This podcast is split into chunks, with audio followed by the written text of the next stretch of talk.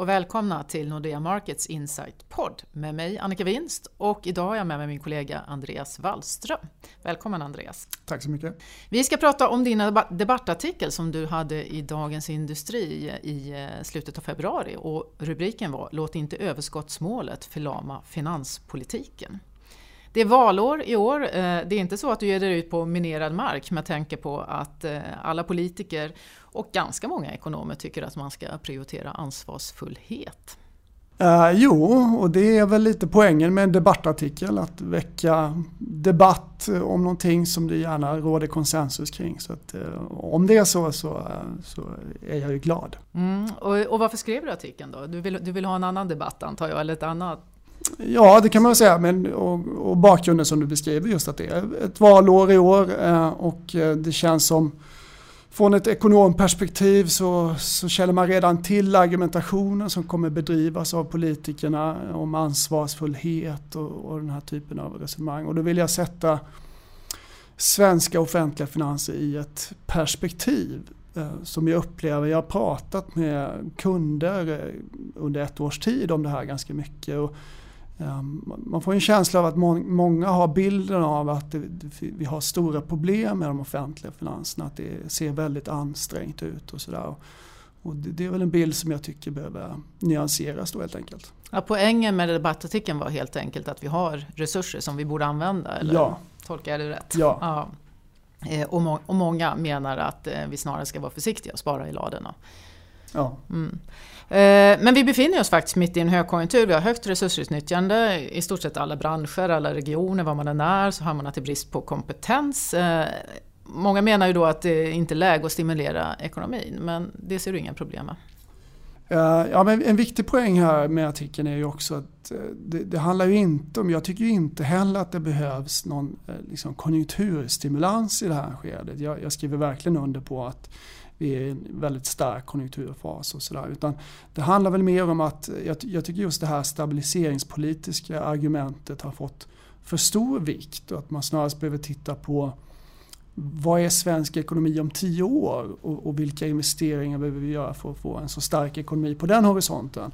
Och då ska man komma ihåg att varje år vi inte gör någonting, det är också en kostnad att vänta och vänta och vänta.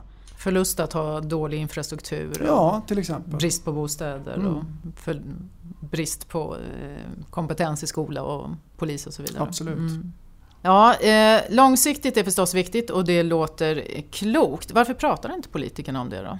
Ja, man ska komma ihåg att politikerna redan så sent som för ett par år sedan kom överens brett i riksdagen om att eh, man ska fortsätta ha ett överskottsmål på lite oklara grunder men det var väl det minsta man kunde komma överens om så att säga. Det, så att I riksdagen så, så, finns det ju en väldig konsensus kring den här eh, överskottspolitiken. Och det bygger på svensk historia när vi hamnade i ja, kris? Och... Ja, precis. Den som är satt i skuld är inte fri och sådär. Göran Perssons citat.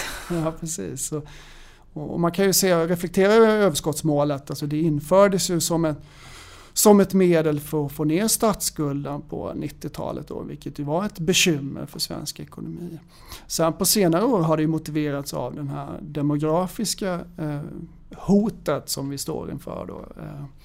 Eh, och min poäng också är väl att det, det hotet är här och nu väldigt mycket och vi kan inte vänta. Då är det väl dags att använda de här medlen för det här demografiska. Jag tänkte vi ska komma tillbaka ja, till det, okay. men innan dess, man har ju faktiskt ändrat eh, målet nyligen gjort. till ja. Så tidigare så var det 1% eh, över en konjunkturcykel och nu är det då, eller från 2019 så är det en tredjedels procent mm. över en konjunkturcykel. Och vad skulle du vilja ha? Eh, jag skulle vilja ha ett tillfälligt underskottsmål. Ehm, att faktiskt tillåta offentlig skuldsättning att öka lite framöver. Ehm, det tycker jag skulle vara rimligt. Jag tror fortfarande att vi behöver ett finanspolitiskt ramverk. Det, det är absolut inte det. Men att tillåta oss lite underskott för att möta då, ja, de här utmaningarna som, mm. som vi har. Vi har ju ganska snabbt fallande och prognosen eller förväntningarna är också att det ska fortsätta ner. Mm. Eh, skuldsättningen. skuldsättningen ja. ja. precis. Eh, och eh, man skulle kunna tänka sig att man stabiliserar det eller att man då som du säger har en svag, svag ökning för att möta de utmaningar som man då står inför. Men samtidigt så pratar vi också jättemycket om hushållens skuldsättning och många är bekymrade över det. Behöver man inte ta hänsyn till det också när man tänker på det här. Alltså att vi bygger i ladorna i offentliga finanserna för att kunna stötta om vi hamnar i en svår situation. Ja, det finns eh, en poäng med detta. Samtidigt ska man komma ihåg om man tittar på total skuldsättning i Sverige, alltså man slår ihop hushållen och statens skuld, eh, så har den faktiskt legat nästan till helt konstant sedan mitten av 80-talet. Mm. Och vi är outstanding bäst i stort ja, sett. Ja, och, och till exempel länder. den här totala skulden är lägre än vad den är i Tyskland. Så att frågan man måste ställa sig är väl hur, hur mycket hängsle och, och livrem är det lämpligt att ha? Och, och, och, min bedömning är då att jag tycker man har för mycket av skydd i, i det här. Då. Mm, man skulle kunna se det som en försäkringspremie och eh, kostnaden är då att man inte investerar för framtiden. Eh, och, eh, frågan är då hur hög försäkringspremie man är beredd att betala helt enkelt. Mm. Mm. Jag ser ibland till och med artiklar där man lägger till företagens skuldsättning, alltså man tar både offentlig, privat och företagsskuldsättning. Men det blir lite konstigt för företag borde ju kunna vara skuldsatta om de gör bra investeringar för framtiden. Och det är ganska självklart men det borde man ju kunna tänka med de offentliga finanserna också. Det vill säga gör man långsiktiga bra eh, investeringar som gör att man blir mer konkurrenskraftig, högre tillväxt så, så borde ju inte det vara fel. Mm. Och särskilt inte om man tänker på de låga räntenivåerna vi har idag. Jag håller verkligen med. men, eh, men räntenivåerna då? Om vi säger eh, i tioårsräntan ja. i Sverige idag. Om man tänker kostnader och så vidare. Ja, om man skulle göra som du säger. I, i Sverige idag ligger ju under 1%. Eh, staten kan låna till 0,8 procent ungefär och justerar man för inflation så innebär det att staten det är ingen kostnad ens för staten att låna upp. Då. Får till och med betalt ja, för att göra de här framtida investeringarna. Ja, och om man då tänker på kommande generationer, man brukar ju säga det att man inte ska skuldsätta sig för framtiden. Hur ser du på det då? Mm. Ja, det tycker jag också är lite bakvänt eller lite enögt eh, argument åtminstone. På något vis så man ska ju fundera på vilken värld man lämnar efter sig såklart. Men, men, om vi skulle använda de här pengarna till något vettigt så, så är det ju snarast att vi investerar i en bättre framtid för kommande generationer. Eh, jag tror inte kommande generationer är nödvändigtvis betjänta av att komma, att komma in i en värld med så låg skuldsättning som möjligt. Va?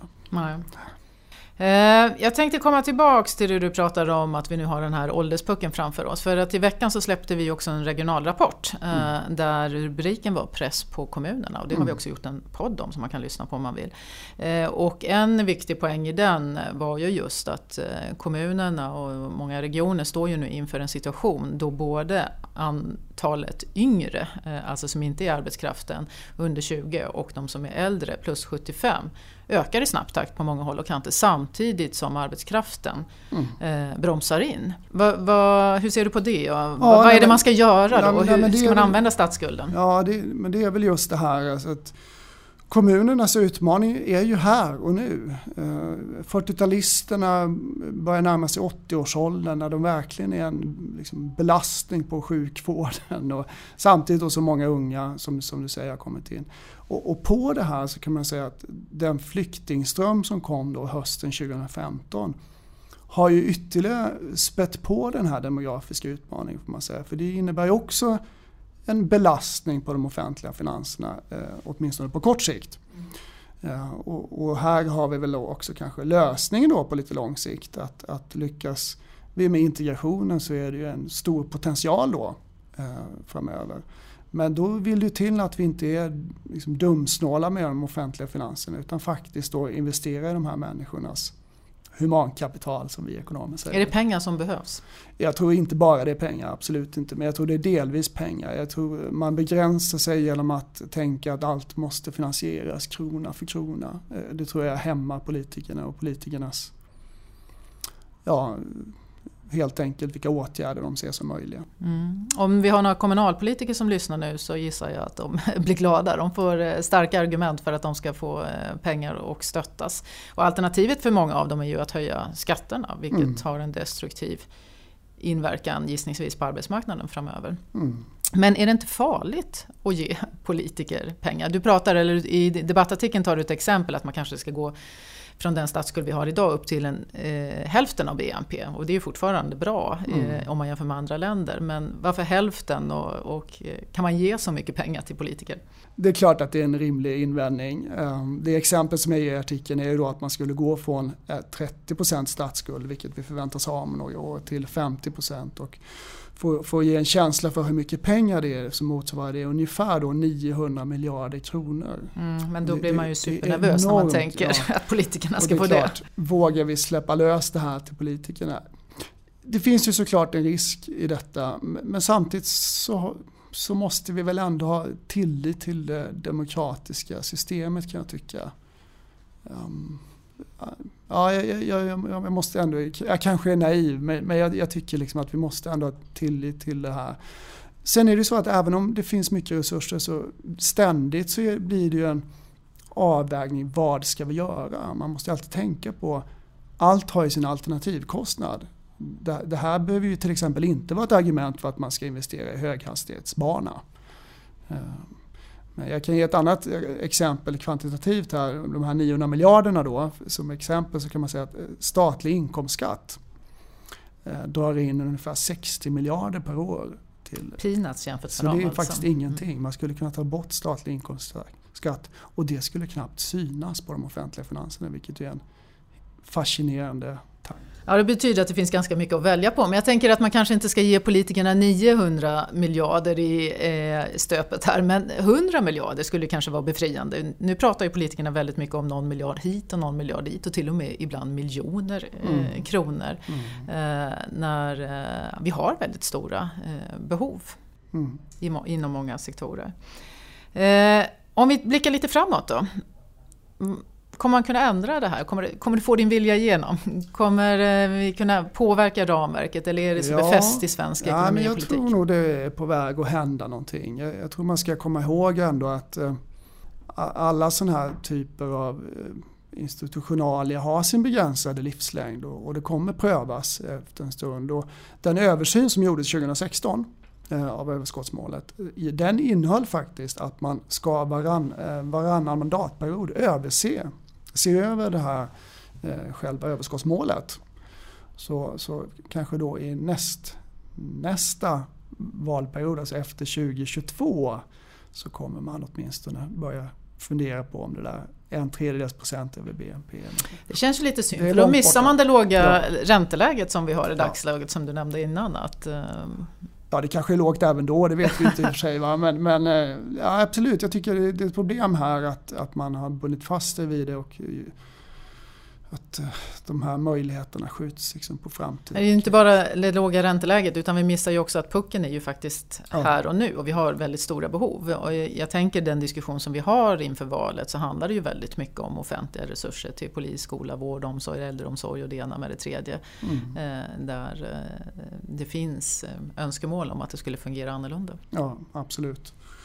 Och, jag menar, det är klart man kan väl hoppas på eh, då kanske att eh, nästa regering efter, efter valet 2018 eh, får ett tydligt eh, stöd i riksdagen och då eh, kan eh, tycka sig bryta eh, lite mot det här överskottsmålet. Även om man inte skulle säga det i praktiken så kan man kanske tänka sig att man vågar tumma på det lite grann åtminstone. Mm. Har du fått några reaktioner? Nu har det gått någon vecka sedan du skrev eh, den här artikeln. Det är, är det några, eh, någon vågen från kommunalpolitiker? Eller? Det är total tystnad. Nej, men eh, jag kan säga så här. Eh, jag, jag träffar ganska många kommuner i, i jobbet och, och där får, får jag ganska mycket stöd i min känsla. Jag har också en känsla av att i i ekonomkåren generellt så, så, finns, så tror jag många skulle skriva under på den här analysen.